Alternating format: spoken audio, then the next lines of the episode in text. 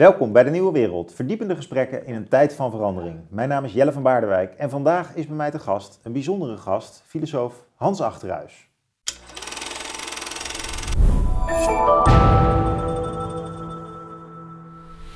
Hans, jij komt vertellen over je nieuwe Hannah Arendt boek. Uh, ja.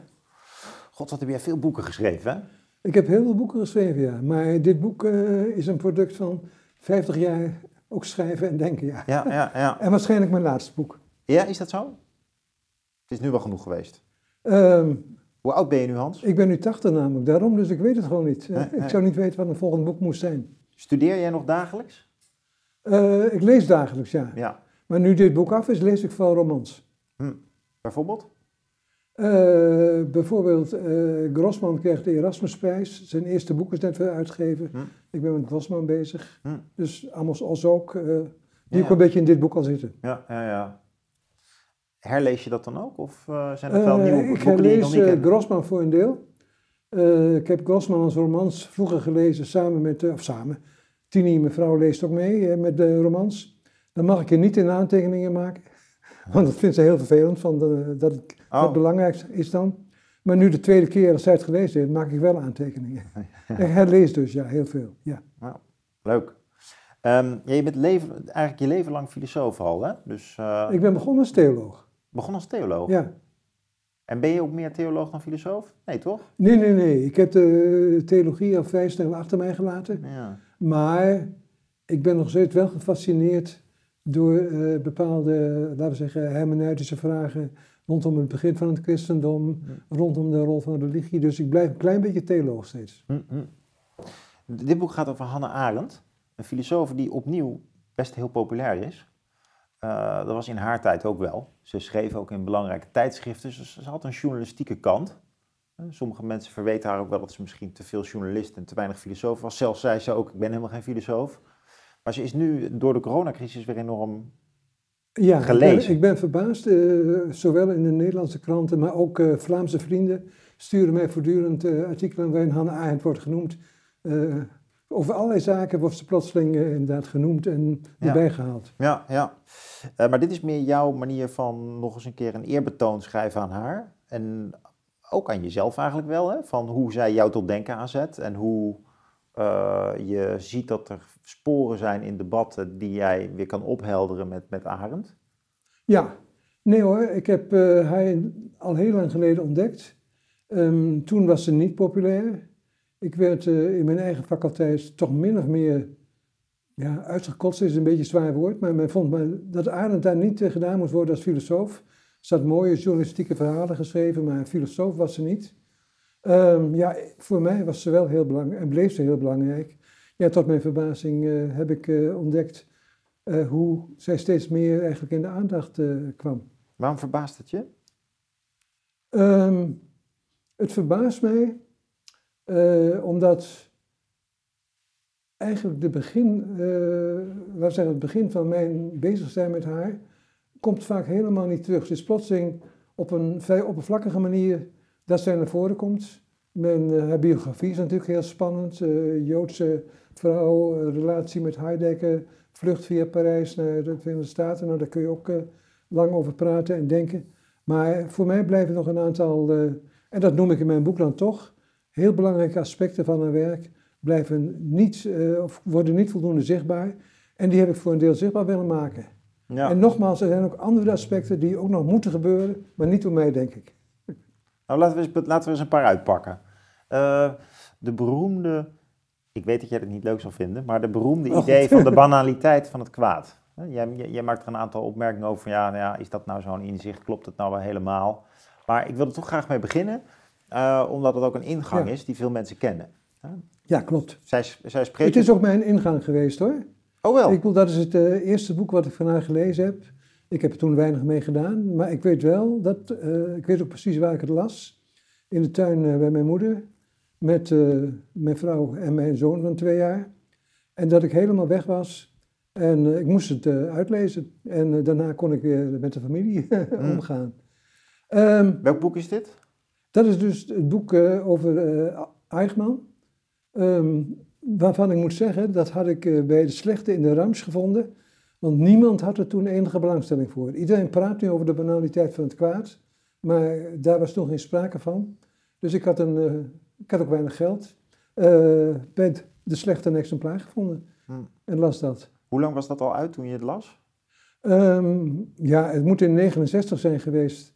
Uh, mijn zoon was één, iets meer dan één jaar, 68 geboren. Um, toen was het al een tijdje uit, maar in Nederland lag het binnen een paar maanden in de Rams. Hmm. Hmm. Heel veel boeken van Arendt zijn vroeger ook heel snel vertaald. Met name die uh, reeks van uh, Aula Pockets. Uh, of slecht vertaald meestal. Maar die kwamen ook heel snel in de rams. Dus wat, ik heb heel veel Arendt in de rams gevonden. Wat sprak, jou, wat sprak jou aan van die, van die banaliteitshypothese? Um, Dacht je van, heb ik nog nooit over nagedacht? Het was, het was niet zozeer die banaliteitshypothese, als wel de grote vraag die ik toen had van wat zou, en die zit impliciet in het verhaal.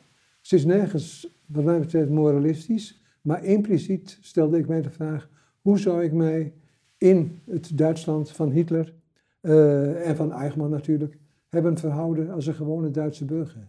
Want laten we even zeggen, Eichmann natuurlijk gaat het boek over, maar ondertussen zijn het hele lange verhalen over dus de opkomst van het nazisme in Duitsland en de manier waarop de Duitse burgers daarmee omgingen. Die Arendt allemaal van dichtbij heeft meegemaakt. Kun je, kun je het iets toelichten? Met, met, kun je daar iets uit herinneren? Of dat zijn dus... Um, nou, wat ik, me, wat ik me kan herinneren is inderdaad toch de, de heldere... Ze, sprak dus met, ze spreekt de lezer aan, de manier van uh, beschrijven van er zijn mensen die zich verzetten. Um, zou ik dat ook hebben gekund, dacht ik meteen. Wat hield dat in? Hm. En wat dan later in een uh, interview naar voren komt. Ze heeft heel weinig uh, grote interviews voor tv gegeven. Maar in het gesprek heeft ze het over de opkomst van het nazisme. En dan heeft ze over het verraad van de filosofen. Uit de omgeving, de filosofen, hadden de meest fantastische verklaringen om Hitler mooi te vinden. Dan moet je natuurlijk meteen aan Heidegger denken, als eerste. Maar ook haar vrienden eigenlijk konden als filosofen heel wat doen met het nazisme. En Arendt vond dat uh, het meest verschrikkelijk eigenlijk. En daar wilde ze duidelijk afstand van nemen. En in dat gesprek zegt ze, ik ben geen filosoof. Ik wil geen filosoof zijn als filosofen zulke dingen doen. En natuurlijk is ze wel filosoof, maar op dat moment zegt ze, nee, nee, ik ben politiek wetenschapper. En al die filosofen die meegingen met Hitler en met nazisme, daar moet ik niks van hebben. Hm, hm, ik vind zelf, dat als je die banaliteitshypothese zou uitleggen als Mensen zijn geneigd tot alle kwaad zonder er echt bij na te denken. Nou ja, Vanwege de structuren waarin ze werken, die mensen ook aanzetten tot het kwade handelen. Uh, dan denk ik dat er toch wel heel veel parallellen te trekken zijn met het heden. Bijvoorbeeld wat we in de toeslagenaffaire hebben gezien. Maar niet alleen de toeslagenaffaire, zeker ook in coronabeleid. Gewoon uh, niet slecht bedoelde acties die bij elkaar opgeteld leiden tot uitsluiting van mensen uh, leiden tot het uh, onderdrukken van mensen, leiden tot het uh, niet meer in dialoog gaan met mensen, afgestompt zijn voor kritiek. Dat, dat, en dat is toch wel, ja, dat, dat ze dat al zo zag in het naziregime, dat is toch wel heel opmerkelijk. Want je zou zoveel grotere kracht aan het werk kunnen zien, Hans. Zoveel kwaad. En dan ziet ze juist dat hele kleine, fijnmazige, ja, mechanische kwaad. Dat was het grote punt. Eigenlijk dacht iedereen, want Ehm, het Eichmann-proces was een soort showproces ook, om de wereld te laten zien wat er gebeurd was met de Joden. Uh, men had uh, Jeruzalem dus Eichmann gevangen genomen. En iedereen verwachtte ook daar een of ander monster, intellectueel monster misschien te zien. En daar zat inderdaad een banale man, waarvan Arendt, die natuurlijk het Duits van hem volgde, zei van ja, het is een, een ambtenaar, ambtenaartje misschien die niks origineels vertelt, maar die braaf heeft uitgevoerd en braaf is opgeklommen in de hiërarchie en de meest verschrikkelijke dingen heeft gedaan. Want laten we even duidelijk zijn, hè? er is geen sprake van dat ze iets goed praten wat hij heeft gedaan. Integendeel, heeft de meest verschrikkelijke dingen gedaan, maar op een banale wijze als een banaal burgermannetje. En datzelfde zag eerder weer eerder toekomt uh, ook onze eigen uh, Harry Mulisch, die daar met uh, zat. En ook uh, zegt van, ja, het is een soort loodgieter die als een ambachtsman wat dingen vertelt, maar pas op. En hij zegt het op een gegeven moment ook, hè. Dan wordt hem verweten dat hij geen emoties heeft. En dan zegt hij heel veelschuldigend, ja, sorry, mijn einzige sprache is ambtssprache. Ik kan alleen maar als een ambtenaar praten en denken. Dat is het punt namelijk. Maar toen Arendt dat zei, was dat voor haar omgeving, haar Joodse omgeving, die gedacht had van ja, we hebben eh, te maken gehad met een uh, echt topmisdadiger, bijna niet te pruimen. Dat zo iemand verantwoordelijk was geweest voor de dood van miljoenen Joden. Ja. Ik zou je toch... En ik ben het mee, volstrekt met je eens. Uh, ik, probeer, ik, ik, heb wanhopig geprobeerd, ik probeer het weer opnieuw in mijn boek, uh, die hele discussie over de banaliteit van het kwaad wat los te maken van Eichmann. Want zodra je het woord roept, roept ieder ja, maar het klopt niet helemaal en Eichmann dit en... En dan ga je in discussie over Eichmann, terwijl het, dat zeg jij ook, eigenlijk over andere dingen zou moeten gaan. Het zou over een toeslagenaffaire zou moeten gaan. Het zou uh, moeten gaan hoe ambtenaren zich opstellen in dat soort zaken. Ja. En dan moet je neem, niet beneden roepen, dat zijn kleine Eichmannetjes, maar het is wel een banale omgang dus met het kwaad. Ja. Want even een klein uitstapje naar een vorig boek van jou, een vorig boek. Ik weet dat het niet het laatste boek is, maar uh, de Utopie van de Vrije Markt bedoel ik. Daarin beschrijf je ja, eigenlijk... Ja. ja, er zitten wat boeken tussen. De, de ideeëngeschiedenis uh, achter het uh, neoliberalisme. Nou, dat vermaledijde neoliberalisme wordt ook overal bekritiseerd. En uh, zit terecht, hè? maar... Um, hoe kan het dan toch zo dominant geweest zijn en nog steeds zo domineren? Dus de, een bepaalde bestuursmentaliteit waarin je zegt van we organiseren dit land in processen, we zien mensen uh, in relatie tot diensten, uh, wat wij doen willen we productmatig afzetten. Dus een, een, bepaald commercieel jargon dat diep in de overheid zit ja. En, en, waarbij ook helemaal geen duidelijk verschil meer is tussen overheid en markt. Dus in, in, in die zin een bredere benadering van ehm, het ja. organiseren van het land. En er zit ook iets heel banaals in ook altijd, vind ik. Van, uh, dat mensen gewoon denken, ja, maar we verdelen toch ook gewoon nu het geld op het ministerie. Dus nu, nu gaat er gewoon zoveel geld heen en er gaat daar zoveel geld heen. En dat is, ja, meer kunnen we toch ook niet doen. Hè? We, we proberen het toch gewoon. En er zit toch iets, ja. iets, iets heel erg loodgieterigs in. Van dat, uh, ja, maar daar zijn heel veel mensen, ik ook hoor, oorspronkelijk voor gevallen. Van, uh, dat was natuurlijk bij ons Wim Kok van uh, die ideologische veren, die moeten we weglaten. Kijk eens, uh, de wereld is gewoon een markt. En we moeten marktprincipes toepassen. Ja. En uh, ik had toen een kritiek geschreven over het welzijnswerk. Um, nog weer een eerder boek. Ja. Maar ik werd vaak gebeld van, hoe kijkt u nu naar de ontwikkelingen in het welzijnswerk? En dat was het marktdenken. En ik heb toen echt een paar keer geroepen tegenover journalisten van, oké, het zou wel inderdaad de laatste, niet mode zijn, maar het zou wel noodzakelijk zijn om dat te doen. En pas later ontdekte ik van, hé, hey, dit is uh, vreselijk als je de overheid en de relatie burger-overheid uh, als een markt gaat bekijken, als een markt gaat organiseren. Ja. Maar in het begin denk ik, ja, dat is Wim Kok en dat is de PvdA geweest, uh, men ging erin mee.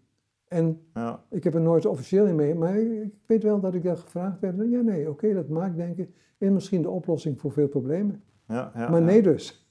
Nee, maar het is, ook, het is niet, ook, niet alleen marktdenken, dat is ook weer want veel dingen zijn helemaal geen markt. Hè? Dus... Nee, maar dan maak je ze markt. Ja, dat was het vreselijke. Nep, nepmarkt daar. Dat is het vreselijke, dus ik bedoel, als ik nu kijk... Uh... En vaak niet met veel bombarie, maar meer dus dat banale, van uh, laten we het doen. Laten we het, laten we doen, en dat is misschien de oplossing. Uh, we kunnen het nu hebben over de zorg, we kunnen het hebben over het onderwijs deels, maar de zorg is natuurlijk heel belangrijk.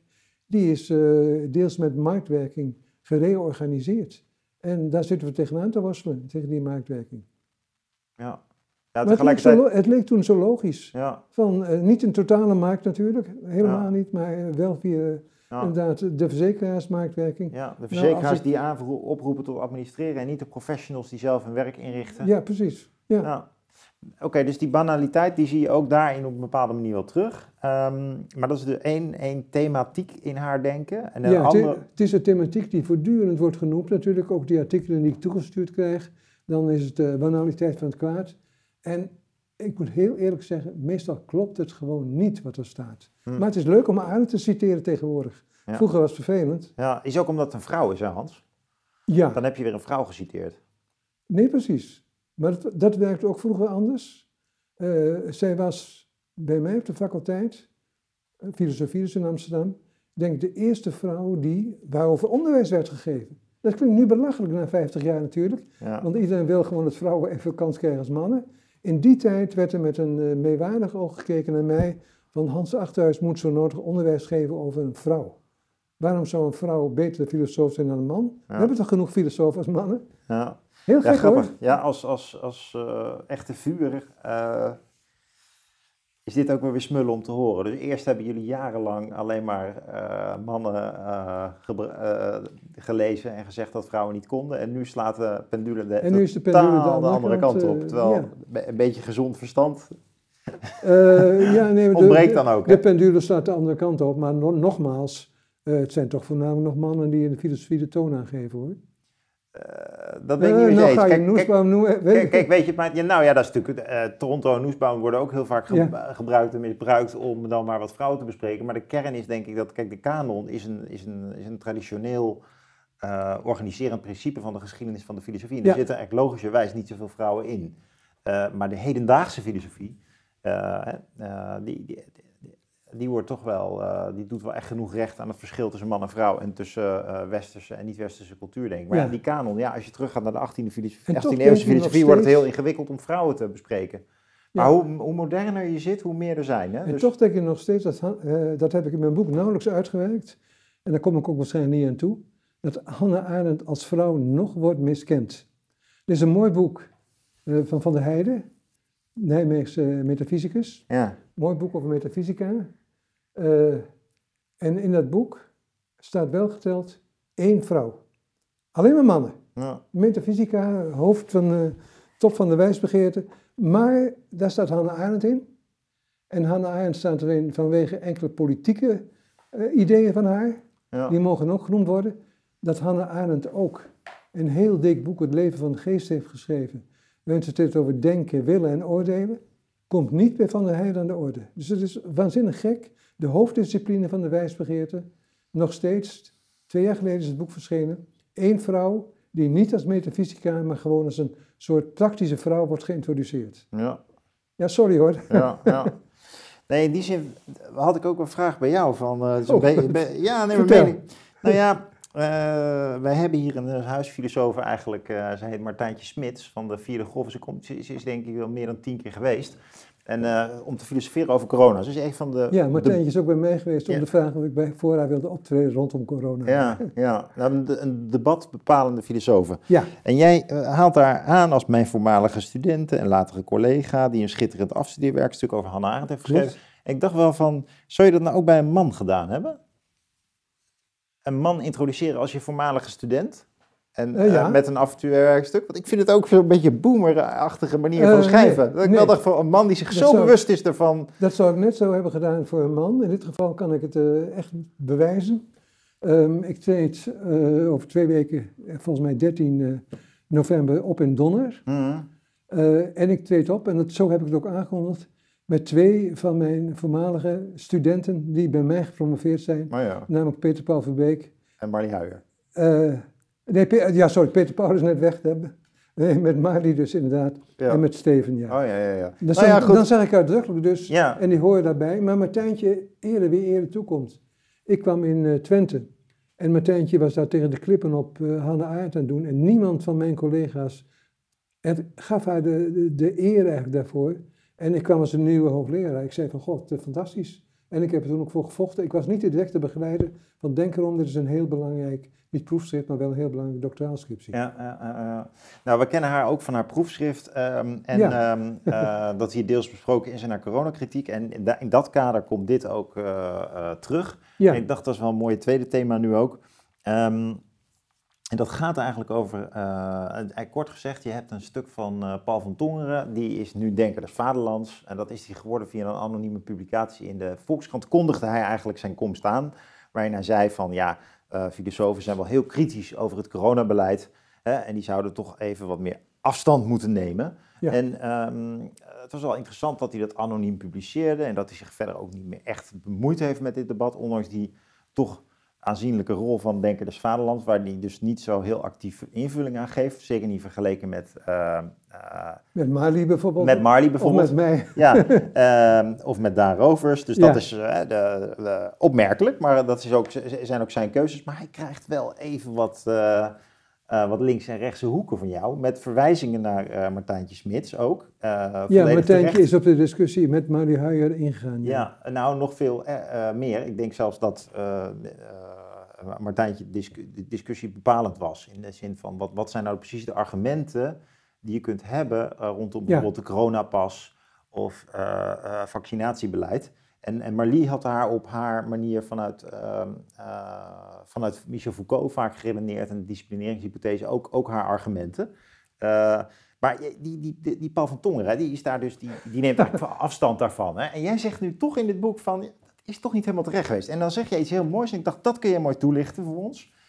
In de eerste plaats valt het op dat Paul van Tongeren de wijsbegeerte vanuit het kijkende oog en niet vanuit het luisterende oor ja. definieert. En dat vind ik zo'n mooi onderscheid, hè? want um, wat wij hier proberen te doen is inderdaad luisteren, argumenteren, dingen voorleggen, een beetje confronteren ook, wat ik net deed, kijken wat iemand zegt. En, uh, maar dan zit je dus tegenover het kijkende oog. Kun je dat dus uitdiepen? Wat, wat is dat? Het is voor mij uh, toch ook weer dankzij uh, Arend.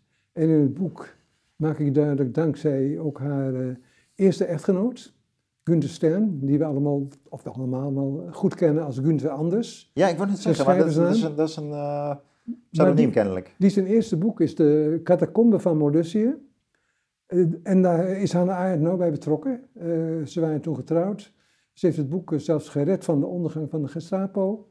Ehm, hij beschrijft daarin een aantal uh, gevangenen die in een donkere cel zitten waarin ze elkaar niet kunnen zien.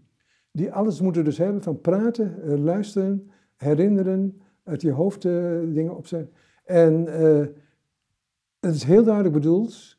Het is een vrij moeilijk roman. Dus ik ben wel een beetje trots dat ik hem heb geanalyseerd op die manier. Als een tegenhanger van de grot van Plato, waarin mensen gevangen zitten en alleen maar kunnen zien. Ja, ze kunnen praten over wat ze zien, maar ze zien dus bij Gunther anders niks. En dan krijg je een hele andere vragen over menselijke relaties. En dan komt Socrates dan natuurlijk naar voren. Socrates die uh, Athene inwandelt en daar mensen gaat ondervragen. En uh, die zelf niet schrijft en ook niet weer met teksten aan de gang gaat. Ook het woord waarheid niet op een zware filosofische manier gebruikt. En dat vond ik het verschil. Uh, dat Paul van Tongen heel duidelijk zegt van, ik kijk naar de filosofische traditie en ik kijk betekent in dit geval, ik lees de teksten en kijk wat ik ermee kan doen en wat de andere filosofen hebben gezegd. Belangrijk, ik vind Paul een eh, hele goede filosoof. Tegelijkertijd is het heel verschillend van de manier waarop bijvoorbeeld uh, of Marie Huijen in dit geval, tegen wie hij zich afzet in eerste instantie, uh, omgaat met mensen praat, maar die heeft een geneeskundeachtergrond, met die gegevens nog komt enzovoort. Dan zit je in een heel ander soort gesprek in de maatschappij dan wanneer je, zoals Paul van Tongen zegt, afstand moet nemen om goed te kunnen kijken wat er gebeurt. En dat was voor mij een ontdekking. Uh, en dan ga ik het heel zwaar maken natuurlijk, door te zeggen van, en dan kom ik als theoloog weer naar voren, hier kijk je het grote verschil tussen een Joodse en een Griekse benadering. De Griekse benadering die van het oog uitgaat, wat je ziet, en daarover gaat speculeren, de ideeën die je ziet, de schaduwen die je ziet, waar je op moet stijgen. De Joodse denker, die, Joodsen, die zegt, luister, luister en doe wat er gevraagd wordt dus, wat God vraagt. En de belofte die je ook mondeling aan elkaar doet. Het is een heel ander soort filosofie. En dat is door elkaar gehaald in Europa. Nu zeg ik iets heel groots dus, maar wat je in elk geval al ziet, hoe Hannah Arendt daarmee worstelt als Joodse denkster, en tegelijkertijd met een waanzinnige kennis via Heidegger natuurlijk ook van het Griekse denken. Hm, hm, hm, en je verwijt dus eigenlijk, Paul van Tongeren verwijt je eigenlijk dat hij eigenlijk wat veel wetenschappers hebben gedaan, te abstract in die discussie hebben en gestaan. En dat hij zegt dat moet, hè? Hij zegt, hij, ja. Kijk, er, er was iets. Je, het is niet alleen zo dat hij zelf niet geëngageerd in het debat meedeed en argumenten afwoog, het is zelfs zo dus dat hij afstand nam ja, van mensen en ook die zegt, dat, dat moet de goede filosoof doen. Ja. De filosoof moet niet erin springen. En daarmee, daarmee neemt hij eigenlijk afstand van Socrates. Ja. En van, en, en van de Joodse traditie. En van, ja, maar die zou inderdaad ook zeggen, en ook van Foucault. Ja, ja. Dus, uh, en toch is het een goede filosoof, zeg jij. Dat vind ik dan wel opmerkelijk. Um, jawel, maar het tussendoor zijn, dus twee soorten filosoof. En ja, of, of, laat ik nu toch maar even het hardop zeggen. Um, die passages die hierin staan zijn op verschillende manieren beoordeeld. Mijn uh, eigen vrouw vond dat het niet in het boek had gemoeten. Ze zei dat is meer een polemiek die in de krant voert. Moet je niet het boek doen. Mm. Ik had net een recensie dat iemand zei, wat mooi dat dit gebeurt in het boek. Yeah. Dus ik, ik weet het niet. Maar er zit bij mij, en dat heb je goed gevoeld, er zat een boosheid achter. Mm. Huijen had bij de volksstand gerealiseerd dat Paul van Tongeren inderdaad op die mooie manier een stuk zou schrijven. En dan moesten wij allemaal raden wie de nieuwe denker des vaderlands was.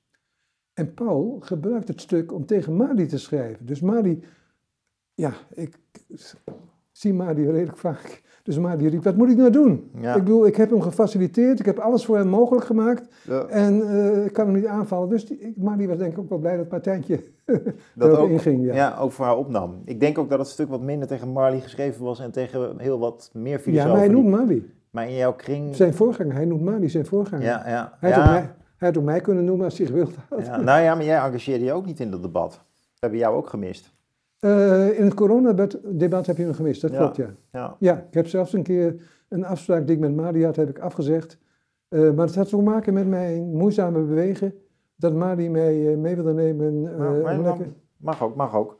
Kijk, maar er zit wel soms persoonlijke willekeur in. Bijvoorbeeld Paul van Tonger ook heeft ook heel empirisch geïnformeerde, afgewogen boeken geschreven over het levenseinde, over euthanasie. En dan zie je dat zo iemand zich dus wel engageert voor concrete argumentaties. Maar wanneer het dan een ander thema is, dan opeens dan is er de kijkende blik en de afstand. Dus er zit ook een uh, methodologische willekeur in daarin. Het is niet een filosoof die altijd alleen maar vanuit het oog redeneert, zou ik zeggen. Nee. En dat, dat, dat, dat verbaast mij dan. En dat heb ik dan misschien. En misschien heeft uh, Tini. Ja, maar. Ik maar het maakt ook niet uit, het hoeft geen persoonlijke aanval op Paul van Tongeren uh, het is voor mij uit te voeren. Het is voor mij niet bedoeld als een aanval op Paul van Tongeren. Maar nogmaals, je hebt deels gelijk. Tini mijn vrouw, die eh, Paul natuurlijk ook wel kent via via, eh, die riep van, moet dat nou? Ja.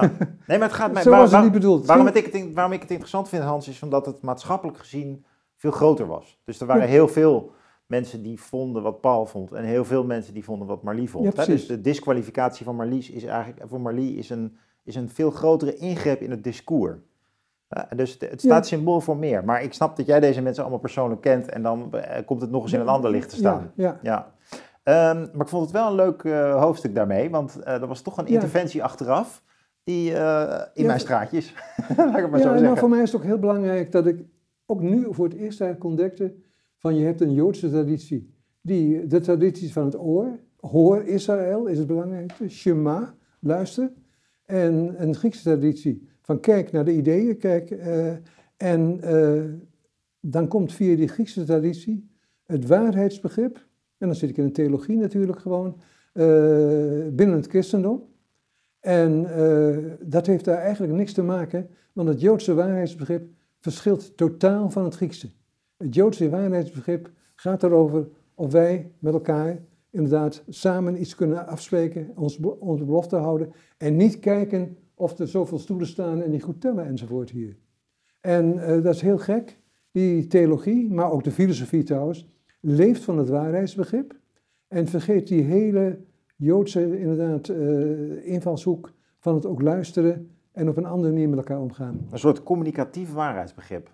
Ja, nee, maar je kunt natuurlijk eindeloos veel waarheidsbegrippen. Ik bedoel, maar nog steeds... Nou, laten we het houden bij deze twee. Dus de, probeer nog eens verder te introduceren voor ons wat, wat dan dat waarheidsbegrip van de Joodse traditie is. Is het een soort waarheidsbegrip dat je dus in communicatie, het vertrouwen dat je hebt in communicatie, dat wat je zegt dat het klopt, wat je belooft dat je het uh, uitvoert? Ja, het Joodse woord wat wij vertalen met uh, waarheid uh, is emet. Ja, en emet heeft niks te maken met de Griekse waarheid. Het is trouw. Je kunt een afspraak met elkaar maken. Vandaar dat bij Hannah Arendt de belofte een van de centrale thema's is. En die belofte heeft met emet te maken. Als ik jou iets beloof, kun je ervan op aan. Hmm. En dan hebben we een soort vastheid in de wereld. Van de beloften en afspraken. Hmm. Dat wordt later de contracttheorie. Uh, en dat is heel wat anders dan alleen maar dan het zien van dingen. En een waarheid die je kunt inderdaad zwart op wit kunt opschrijven. Dit heeft ook te maken met uh, natuurlijk dat Socrates nooit schreef. Jezus ook natuurlijk niet. Uh, het schrijven is die overgang maakt dan een heel ander soort waarheid. Want dan kan ik het nakijken. Er staat op bladzijde zoveel, staat dat. Ja. Dat is wat anders dan een afspraak, belofte. Ja, mooi gezegd. Ja, het Griekse waarheidsbegrip, Heidegger heeft natuurlijk veel over geschreven, aletheia. Uh, de openheid. Maar de openheid is ook het zien dus, hè? Ja. Je, je, ziet in die aletheia, je ziet het, ja. ja maar dat aletheia is ook van, dus de, dat aletheia, dat je, uh, dus je, uh, je ziet door bepaalde dingen, dus door de, de bedekkingen eraf te halen. Hè? Dus je, je onthult iets, je ontbergt nee, je onthult iets, maar het blijft dus zien. Dus het, ja, inderdaad, maar zien wel, maar, maar, maar het zien is vertroebeld. Het is vertroebeld, die Dus-. Dus het gaat om het, opscho- het opschonen van de blik eigenlijk. Ja, nee, dat klopt. En dat is iets anders dan het afstemmen op wat iemand anders zegt in een gesprek. Ja, ja dat is heel wat anders. En eigenlijk is mijn, Arendt is mijn, eh, niet, mijn, niet alleen maar filosofische eh, heldin of heilig of iets dergelijks. Eh, ze gaat niet ver genoeg volgens mij in het omgaan met het waarheidsbegrip. Dat probeer ik in mijn laatste hoofdstuk uit te leggen. Van ze, ze komt er steeds tegenaan, maar ze wil toch het waarheidsbegrip op de Griekse manier, bijna op de Heideggeriaanse manier blijven gebruiken. Hm. Want wat is, wat is haar waarheidsbegrip? Vertel er eens wat meer over. Ehm, haar waarheidsbegrip, dat doe ik in het laatste hoofdstuk. Eh, waarheid speelt natuurlijk een, niet alleen in de filosofie, maar ook in de politieke een belangrijke rol. Ehm, ze gaat steeds terug naar die beroemde uitspraak van de Declaration of Independence. Eh, alle mensen zijn gelijk geboren. En dan zegt ze, ja, maar dat is, eh, en dat is een waarheid. Nee, zegt ze, dat is geen waarheid. Ehm, dat is een eh, heel terecht, is het ermee eens, eh, mening, uitspraak in elk geval. En we moeten niet allerlei ideologische ideeën, hoe belangrijk rechtvaardigheid kan zijn, als waarheid gaan presenteren. Dus ze wil het woord waarheid voor een deel laten vervallen. Dat Dus- kunnen. Dus voor ethische intuïties. Wil ze het woord waarheid niet gebruiken. Ja, ja. Of je moet gaan. eh. Kijk, heel gek voor een filosoof. Arendt heeft eh, twee dikke delen eh, geschreven. Een denktageboek. Waarin ze eigenlijk da- dag in dag uit haar denken dus opschreef. Dus niet van ik heb die en die ontmoet en ik heb dat gedaan vandaag. Nee, ik heb dat en dat gedacht. En ze komt er steeds op terug. Met een mooie beeld ook eh, van Penelope. Die eh, s s'nachts het kleed weeft en dan, eh, of ze overdag het kleed weeft en s'nachts weer uithaalt. Zo gaat zij ook denkende wijs verder. En als je het woord waarheid daar opzoekt in het denktageboek, dan zie je dat het tenslotte vooral uitkomt op het belang, wat voor een filosoof natuurlijk heel gek is, van Tatsagenwaarheid. Feitelijke waarheid. Hm. Meneer Trump, met zijn eh, leugens. En dat ze dus daar wel op ingaat hoe belangrijk die feitelijke waarheid is om gezamenlijk met elkaar inderdaad in de maatschappij te leven. En als je die niet meer erkent, ja, dan stort voor haar de zaak in elkaar. Dus nee, die andere waarheden, die wil ze dan geen waarheid noemen. Ik denk dat kun je niet doen, eh, want we hebben het over de waarheid die ik in een roman vind. Mag toch best. Maar het is heel wat anders dan een taatzagenwaarheid. Ja, ja, dan heeft dat in het Duits ook nog die betekenis van daadwerkelijk. Het heeft een echte dus feitelijke de- waarheid. Ja, de feit- ja maar feitelijk is, weer, is toch weer anders. Hè? Dus dat taatzagen vertaal je toch ook met eh, de levende feiten. Hè? Dus dat is de, de, de, de, eh, dat je met elkaar eh, wat, wat Hegel zieten noemt. Dus de zee, Mhm. de zee, de, ja, wat we met elkaar, waar we met elkaar over eens zijn. Eh, Omdat we ja. er ook naar handelen. En, Ja, maar nee. Of zou- of dan, zou- is het, dan gaat het om waarden, denk ik. Als je dat zegt, waar we naar handelen. De waarheid wil zij inderdaad koppelen aan datgene wat inderdaad feitelijk aanwezig is. En eh, ja, ik begin daar met eh, een andere Joodse filosoof, Simone Weil. Simone Weil, die ook zegt, ook weer tegen de filosofische intuïtie in, waarheid, feitelijke waarheid, is ontzettend belangrijk. En wie die schendt in de maatschappij, die moet veroordeeld worden, zegt Simone Weil. Hm. Maar dat kan niet. Dat is het weefsel waar we van moeten leven, die waarheid. Hm. Ehm, en, eh en Arendt is het dan denk ik eh, ten diepste mee eens, aan het eind van haar leven in elk geval. Maar ik neem aan dat jij dat een problematische opvatting van waarheid vindt. Of jij... Eh, nee, ik, ben, ik, ik vind het problematisch eh, dat bij haar niet duidelijk wordt dat die... zij, zij zegt dus van die andere zaken, die moet je als een oordeel of als een waarde... eh, maar ja, we kunnen het woord waarheid niet missen, denk ik. We praten gewoon met elkaar en we zeggen eh, de waarheid van een mooie roman. Eh, dat, ja. is- dat is heel wat anders dan de waarheid Ja. van een gebeurtenis. Dus jij zegt eigenlijk, er zijn meerdere bronnen die je waarheid kunt noemen. Meerdere die ware dimensies in het leven. Ja. Ja. Ja, En jij denkt dat Hannah Arendt dat niet toelaat in haar denkschema. Eh, jawel, ze, maar ze wil, die, ze wil het woord waarheid dus niet gebruiken. Hm. Dus ze heeft, eh, dat heb ik in mijn boek niet echt uitgediept, eh, het over oordelen. Oordelen wat te maken heeft, zegt ze, met smaak. Nou, smaak. maar waarin we met elkaar afstemmen van of we iets mooi of lelijk, belangrijk vinden enzovoort. En waar we dan ook vaak over zeggen, dat is de waarheid. Maar dat vindt zij dus geen waarheid. Terwijl ik denk van, doe een beetje normaal.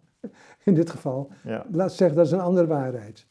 De waarheid dat Rembrandt mooie schilderijen heeft gemaakt, is een andere waarheid dan de waarheid van hoe hard ik met de auto rijd. Ja, lijkt me ook. Maar dat is blijkbaar, zij denkt dan kennelijk niet in die geledingen, in, Nee, die, nee. in die sferen. Dat is een Nee. tekortkoming van haar denken dan. Eh, dat is denk ik wel een tekortkoming, maar in elk geval, eh, ja. Ja, wie doet dat niet? Ik bedoel, die tekortkoming. Eh, ja nou dit ja, punt, dus hoor. Er zijn genoeg filosofen die meer integraal denken, zou ik zeggen. Maar Nee, dat oh, weet ik niet. jij bent een grote fan van Anne Arendt, dus je moet er vooral verdedigend aan overstaan van mij. Dat vind ik leuk. Nou, ja, natuurlijk ben ik een grote fan van Arendt. Ja. Je gaat niet eh, 50 jaar lang iemand lezen. Eh, tegelijkertijd, heb ik ook eerlijk gezegd, zijn er punten van haar denken waar ik vroeger echt mee heb geworsteld. Dat ik dan toch luister naar haar en denk van, hé, hey, zou ze Ja. toch gelijk kunnen hebben enzovoort. En er zijn nog punten waarvan ik nu denk van, ja, eh, op dat punt eh, blijft ze in gebreken. Ja. Ehm, Vertel eens over een punt waar je nog enthousiast over bent. Want dat waarheidsbegrip, ja, ik, ik bedoel, ik zou je natuurlijk kunnen ja, vragen. het wordt nou, heel ingewikkeld als we over waarheids, dat we Ja. waarheidsbegrip doorgaan dus. Ehm, Komen we misschien zo wel weer op. Waar ik enthousiast over ben, is eh, dat zij in haar filosoferen, en dan gaat het toch weer over de discussie tussen Mari Huijen en Paul van Tongen, dicht bij de ervaringen wil blijven, terwijl filosofen heel vaak vanuit de ervaringen die er ongetwijfeld zijn, meteen opstijgen naar filosofische werkelijkheid, waardoor ze daar geweldig over gaan eh, nadenken. Eh, terwijl ze zegt, nee, blijf bij die ervaringen. Daar moet je filosofisch over nadenken natuurlijk, maar het moet duidelijk zijn waar het over gaat. Ja. En dat heb ik al worstelend in haar belangrijkste boek, wat mij betreft, De Menselijke Conditie, ontdekt. Van, eh, ik kwam eerst helemaal niet uit. Er was ook geen commentaar in die tijd toen ik het las. Maar het ging wel steeds over heel concrete zaken. Hoe mensen bezig waren in wat zij maakten een onderscheid tussen arbeiden, werken en handelen. Ik dacht, waar gaat het nu over? Maar met haar voorbeelden en ervaringen zie je gewoon eh, die aanwezigheid. En dat was voor mij een ontdekking. Ja, laten we, dat eens uitpakken. zoveel... laten we dat eens uitpakken uit het boek The Human Condition. Ook wel vertaald als de Vita Activa, Ja, Eh, en, en eerst nog veel erger, hè? namelijk. Eh, ik kreeg het boek. Oh, jij vindt de Vita Activa een slechte vertaling? Ehm, nou, de eerste vertaling is vreselijk. De eerste vertaling is De Mens. Aula Pocket, De Mens. Ehm, even kijken hoor, met nog een mooie ondertitel ook. Eh, dat weet ik niet eens meer. Ja. Maar als je dan het boek leest, en ik las het, eh, ik probeerde het te begrijpen, dan zegt ze letterlijk, de mens bestaat niet. Er zijn mensen in verschillende condities met elkaar, Ja. er zijn netwerken van mensen, maar de mens is een typisch filosofisch onderwerp. En dat is de meest slechte titel die je had kunnen bedenken. Daarna wordt Vita Acta Activa, daar is niks mis mee hoor. Dat is de Duitse titel ook die ze zelf heeft bedacht. En nu die drieslag, eh, want jij vindt dat een overtuigende drieslag, begrijp ik? Ja, Tussen werken, arbeiden en handelen. ja. Eh, zij kijkt naar het actieve leven, Vita Activa, het actieve leven. En eh, ze zegt er zijn drie verschillende manieren waarin mensen globaal zich verhouden in die actieve wereld. Dus niet in denken, maar in actief bezig zijn. Het is arbeiden. Mensen moeten arbeiden om te kunnen consumeren, om te kunnen leven. Ik bedoel, als wij de hele dag hier stilzitten en niet arbeiden, dan komt er geen brood op de plank. Ja. Dus je moet arbeiden. Arbeiden is een cyclisch proces. Ehm, ik ben vandaag mijn eh, brood aan het bakken eh, en aan het eten, maar morgen moet ik weer brood bakken en eten enzovoort. Het gaat dus maar door. ja, ja, ik zou zeggen dat is, dat is werken. Maar ja, wat is Nee, werken? nee, eh, werken is, eh zegt ze, totaal verschillend. Werken is het maken van dingen die blijvend in de wereld zijn. Alle boeken hier zijn de uitdrukking van werk in elk geval. Die zijn gemaakt, die kun je zien. Eh, bij arbeiden, hoe, lekker, hoe mooi je het ook kunt vinden, eh, gaat het weer in de consumptie en blijft er niks van over. Dus er is een groot verschil, ook in de gevoelens die je kunt hebben. Ik heb zelf eh, de Grieken erbij gehaald, deels geïnspireerd door haar.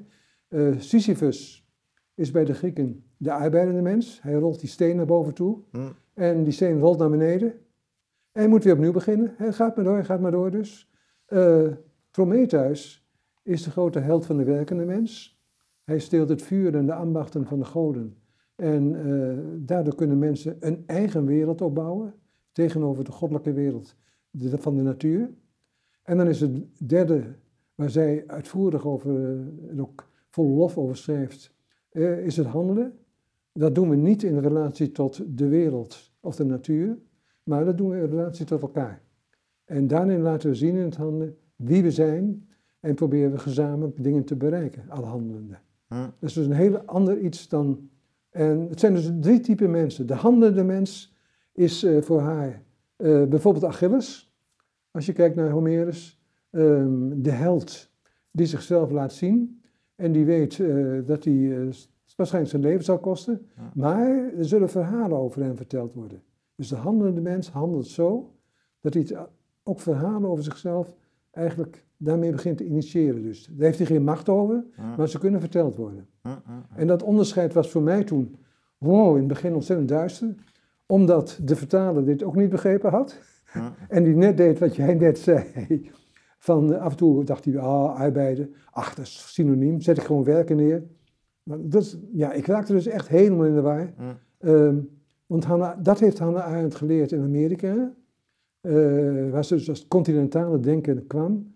Amerikaanse analytische filosofie, heb je definities, arbeiden, werken en handelen zijn voor haar echt heel verschillende filosofisch geladen begrippen die je niet als synoniem moet gebruiken. Maar nee, in het daadwerkelijk leven lopen ze natuurlijk enorm door elkaar heen. Ja, dat, Dus- is, dat is de ellende Dus, dus. Nou ja, ellende, dat is dus de zwakheid van schema's. Dat, het Nee, nee, het dat is mooie aan het leven is juist dat het niet, niet, niet zo eh, te rubriceren is. Dus als ik aan het werk ben bijvoorbeeld vanuit een groter appel hè, eh, Ja. eh, of aan het arbeiden, wat is dan precies het verschil? Hè? Dus ik ben, ehm, eh, je geeft college of... eh, je geeft college en ja, je, dat is- en dat je is- verdient daarmee je geld ja, te dus ook, ook, je geeft college over een onderwerp, dat is goed voor de maat- maatschappelijke orde. Ja. Eh, dus ja, dan loopt het allemaal door elkaar heen. Eh, nee, ja, dat denk ik niet. Ik denk dat het do- door elkaar loopt, natuurlijk bij mij ook eh, op dezelfde manier. Als je college geeft, en ik zei altijd vroeger tegen mijn studenten om het uit te leggen, hier staat Hans Achterhuis, die laat zien wie die is in college. En eh, hij kan eh, voor jullie heel belangrijk zijn. Je kunt ook denken, wat een klootzak. Maar in ieder geval, hier is Hans Achterhuis zichtbaar. Hij maakt zich zichtbaar. Ja, ja. Dat is handelen. En in de moderne tijd, daar gaat ze ook op in, verdient Hans Achterhuis in dit geval ook zijn geld ermee. Dus zijn consumptie eh, heeft hij ook te danken aan het feit dat hij daar handelend optreedt. ja. Maar daarom is het nog wel En belangrijk... zijn om- boeken blijven bestaan, dus dat, Ja. ja, daarmee Dus is hij ook werkend. Ja, Ja. maar het is En wel belangrijk om het onderscheid te maken. Ik bedoel, hier ligt een boek ja. en daarvan zeg ik, dit is werk. En hiervan kan ik zeggen, daar ben ik trots op. Dat Ja. hoort bij Prometheus. Prometheus is trots. Hij heeft tegenover de goden de mensen de mogelijkheid gegeven wat te maken. Eh, ik ben niet meteen trots als ik de afwas thuis gedaan heb, maar ik doe hem wel. dat moet gebeuren. Dat is, dat is de uitbeiden. Ja, ja, ja, ja. Waar ben je nou het meest trots op van dit werk? Ehm, ik ben er het meest trots op dat ik er nu in geslaagd ben. Nee, ik moet zeggen hoe het boek tot stand is gekomen. Eh, ik werkte de laatste jaren eigenlijk continu aan Hannah Arendt. Dat had ik al gedaan met eh, fasen waarin ik hard aan haar werkte. Maar er lag dus heel veel materiaal. Eh, daar wilde ik nog jaren mee bezig zijn. Toen belde mijn uitgever op en zei: Hans, jij wordt 80, dan geven we jouw Arendt-boek uit. Ik zei: Nou, dat is nog lang niet klaar. Ze zeiden, doen we toch. Alles wat je hebt, maak je een mooi boek van. En eh, de dingen die je niet eh, meer haalt, kun je altijd nog bedenken later, maar die laat je maar gewoon liggen. Hm. En ik was ze heel dankbaar. Dat Als ze jou- niet gebeld hadden, was het boek er nooit gekomen. Dus ik ben eigenlijk wel trots eh, dat het er gekomen is, op die manier eh, geholpen. Maar dat ik erin geslaagd ben inderdaad toch een eenheid te maken van heel disparate stukken tekst die ik had. Ja, ja, ja, Ik heb echt dingen overgeslagen, niet gedaan, die ik had willen doen, maar het kwam niet. Je hebt echt een oeuvre gebouwd hè, in je leven. Dus je hebt, veel boeken op je naam staan en eh, eh, behoorlijk wat publicaties ook. Ben je, daar ook trots op? Eh, In de zin van, is dat ook gelukt dat je denkt van, ja, dat, zijn er boeken die je nog had moeten willen schrijven? Of, of kijk je daar meer op terug? Kijk je meer terug op van, mijn oeuvre is tot stand gekomen omdat mijn uitgever mij steeds belde? Nee, dat is, dit is alleen maar via de uitgever gegaan. Nee, in tegendeel. Ehm, ja, dus een soort trots zonder meer, maar ook een soort eh, dankbaarheid. ehm, dat ik ontdekt heb dat ik het leuk vond om te schrijven. En eh, dat ik daarna de mogelijkheid kreeg om, eh, om daarmee door te gaan. Dat was ook een bewuste keuze, zeg ik achteraf. Hè? Ik bedoel, ik heb in het begin part-time altijd gewerkt. Eh, maar het gaf mij de gelegenheid niet alleen maar om thuis nog iets met de kinderen te doen, maar ook om te schrijven. En ik heb pas veel later de overstap gemaakt naar een, eh, toen de kinderen ouder waren, naar een eh, echt hoogleraarschap, tussen aanhalingstekens. En ik ben veel gaan schrijven toen ik hoogleraar af was. Ja, als hoogleraar ben je toch met andere dingen bezig, hè? Processen en spreadsheets. Dat is eigenlijk wel Eh, schokkend. ja, en je hebt gewoon je taken die je Ja. moet volbrengen met een vakgroep. Ja. Ik ben decaan geweest op een brave manier en weet ik wat allemaal. Ja, dat hoort erbij. Eh, terug naar de wijsbegeerte. Eh, als je nou kijkt naar jouw eigen denkontwikkeling, hè, jouw weerdegang als filosoof, wat zijn nou methodologisch zogezegd belangrijke stappen geweest in hoe jij argumenteert? En kun je dat ook, eh, da- da- vertel dat eerst en dan gaan we daarna ook Hannah Arendt daar- daar weer bij halen.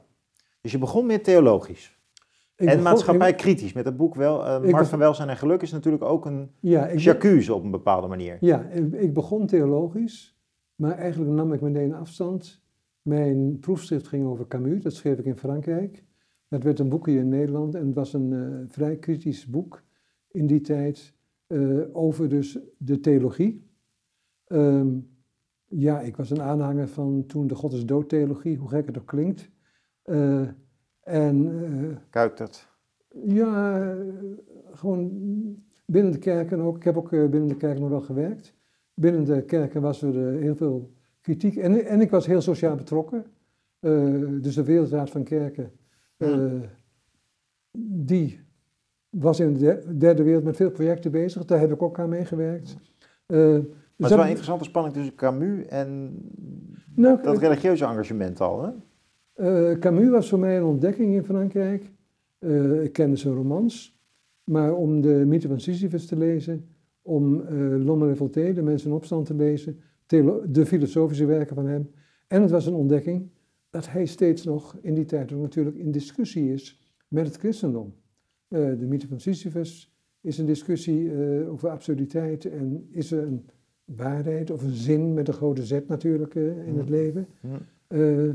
L'Homme révolté is één grote aanval op, ehm, zeg maar, toch theologische of religieuze manieren om ja, totaal de samenleving te veranderen. Dus het kan vanuit een geloof zijn, maar het kan ook vanuit een, eh, Ja. wat ik later een utopie heb genoemd. Heb je Camus wel eens ontmoet? Eh, nee, Camus was dood toen ik in Frankrijk eh, was. Ah, ah, ja, Ja. ja. Ik heb Arendt ook nooit ontmoet. Nee, daar beschrijf ik, daar vroeg ik ook naar. Van, eh, Ja, ehm, Camus nooit ontmoet. maar Oké, dus het begint theologisch, dan Ca- Camus een proefschrift en dan ga je door. Vertel nog eens, vertel nog eens. Eh, Wat- ook wat er methodologisch gebeurt met jou, wat je dan als filosoof... Methodologisch eh, is dat ik merkte van de filosofie in Nederland. Ik kwam uit Frankrijk, hè, eh, waar ik heb eh, twee jaar gewoond in Staatsburg. eh, heeft eigenlijk geen zicht in Nederland toen op heel veel ontwikkelingen in de wereld. Ik heb toen na Camus een boek geschreven, eh, wat ik noemde Filosofen van de Derde Wereld. Daar ben ik deel- voor een deel ook trots op. Ehm, ik heb toen Fanon, denk ik, toch in Nederland geïntroduceerd. Op dit moment is het vanzelfsprekend. Als je het over zwarte filosofie, dan is het Fanon. Eh, dat moest ik ook een beetje tegen de klippen opdoen. Ja. Ik kende Fanon via Sartre, dus via Frankrijk. Eh Illich. Ja, Illich is voor mij heel erg belangrijk geweest toen ik hem ook ontmoette. En Illich heeft mij methodologisch in elk geval laten zien, je kunt gezondheidszorg, en in mijn geval ook welzijnszorg, kun je filosofisch, kritisch bekijken. En eh, dat hoeft niet over dood en leven te gaan, maar je hebt gewoon instrumenten die hij ook, mij ook aanreikte om naar het welzijnswerk te kijken. Ik gaf onderwijs aan androgologen in die tijd. Androgologen... eh, die bestaan niet meer, hè? Ja, Het is wel een leuk, leuk vakgebied geweest, maar Het is een het is afgeschaft. het is een heel leuk vakgebied geweest met hele leuke mensen. Een soort mensenkunde. Eh, ja, mensenbegeleiding. Vreselijk, hè?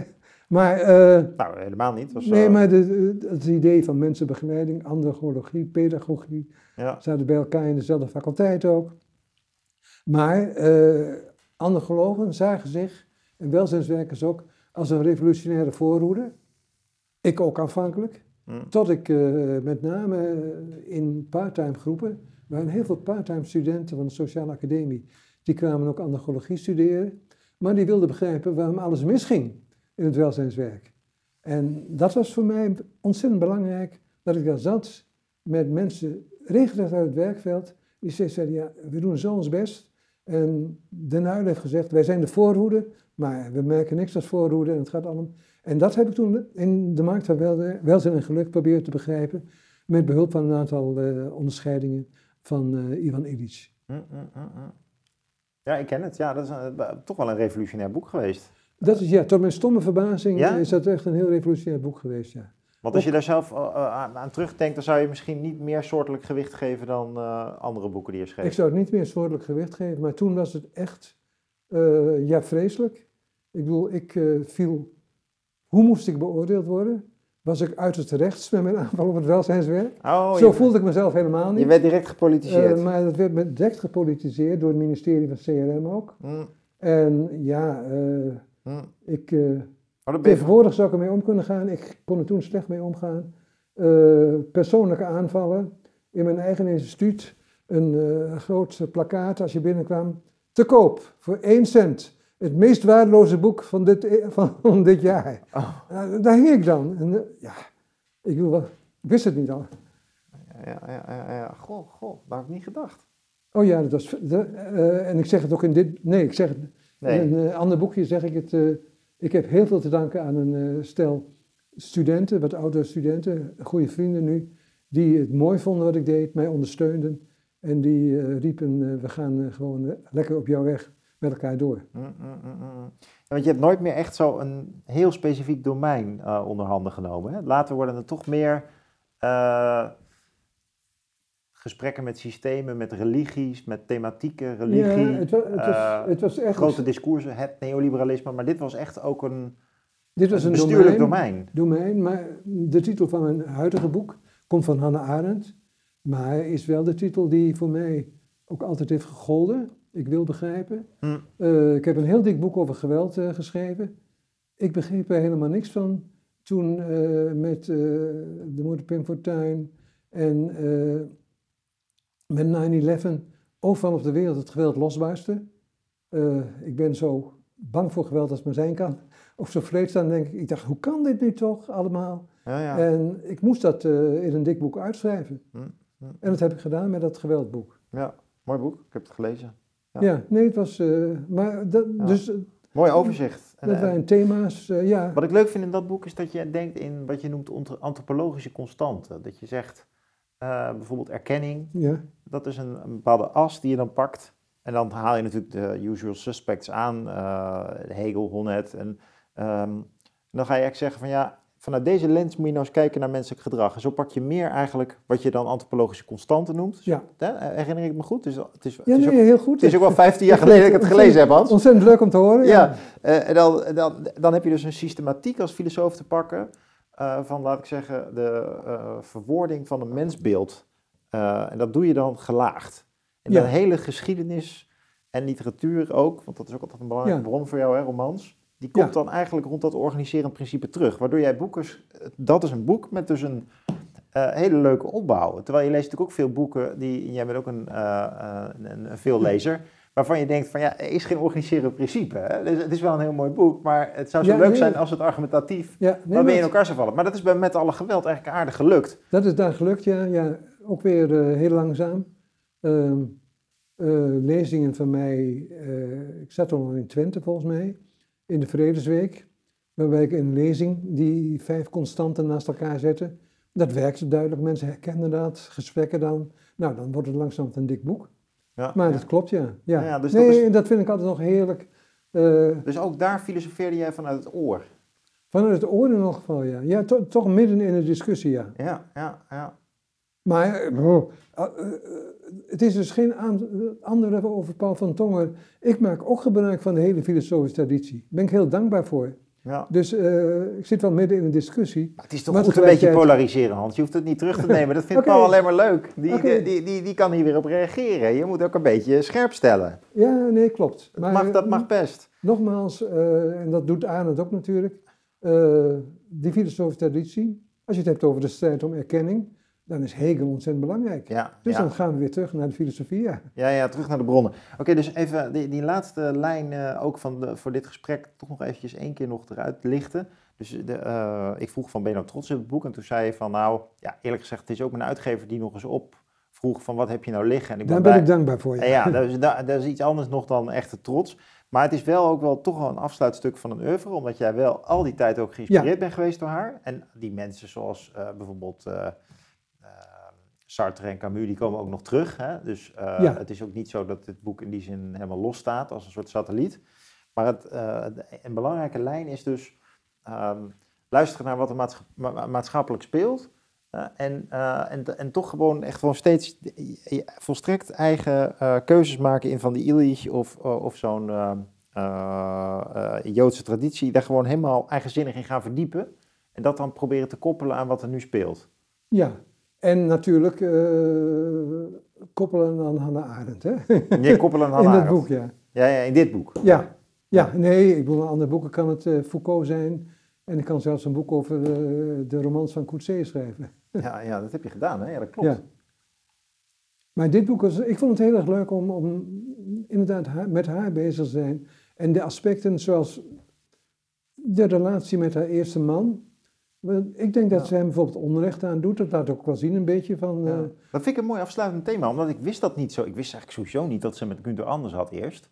Maar dat vind ik heel mooi. Vertel, vertel ons dat nog eens kort. Hoe zit dat nou? Haar eerste man is eigenlijk ook een bekend filosoof, of Eh, denker. Han- Hannah Arendt eh, is de minnares van Heidegger. Ja. Ehm, ik denk dat je kunt zeggen dat zij de muze is geweest die het schrijven van und Zeit heeft begeleid. Als je kijkt naar hun brieven en hun contacten, hij moest steeds zijn verhaaltjes vertellen waar hij mee bezig was en luisterde zij. Ehm, toen Heidegger naar het nazisme ging neigen, eh, kwam er een breuk. En eh, in haar omgeving van waanzinnig slimme studenten die daar zaten. Alle slimme studenten, of alle, maar heel veel slimme studenten gingen naar Heidegger toe. Eh, was eh Gunther Stern, een eh, Joodse vriend. En eh, zij is toen heel snel eigenlijk met hem eh, getrouwd. Dus het was een breuk met Heidegger. Heidegger mocht hem totaal niet.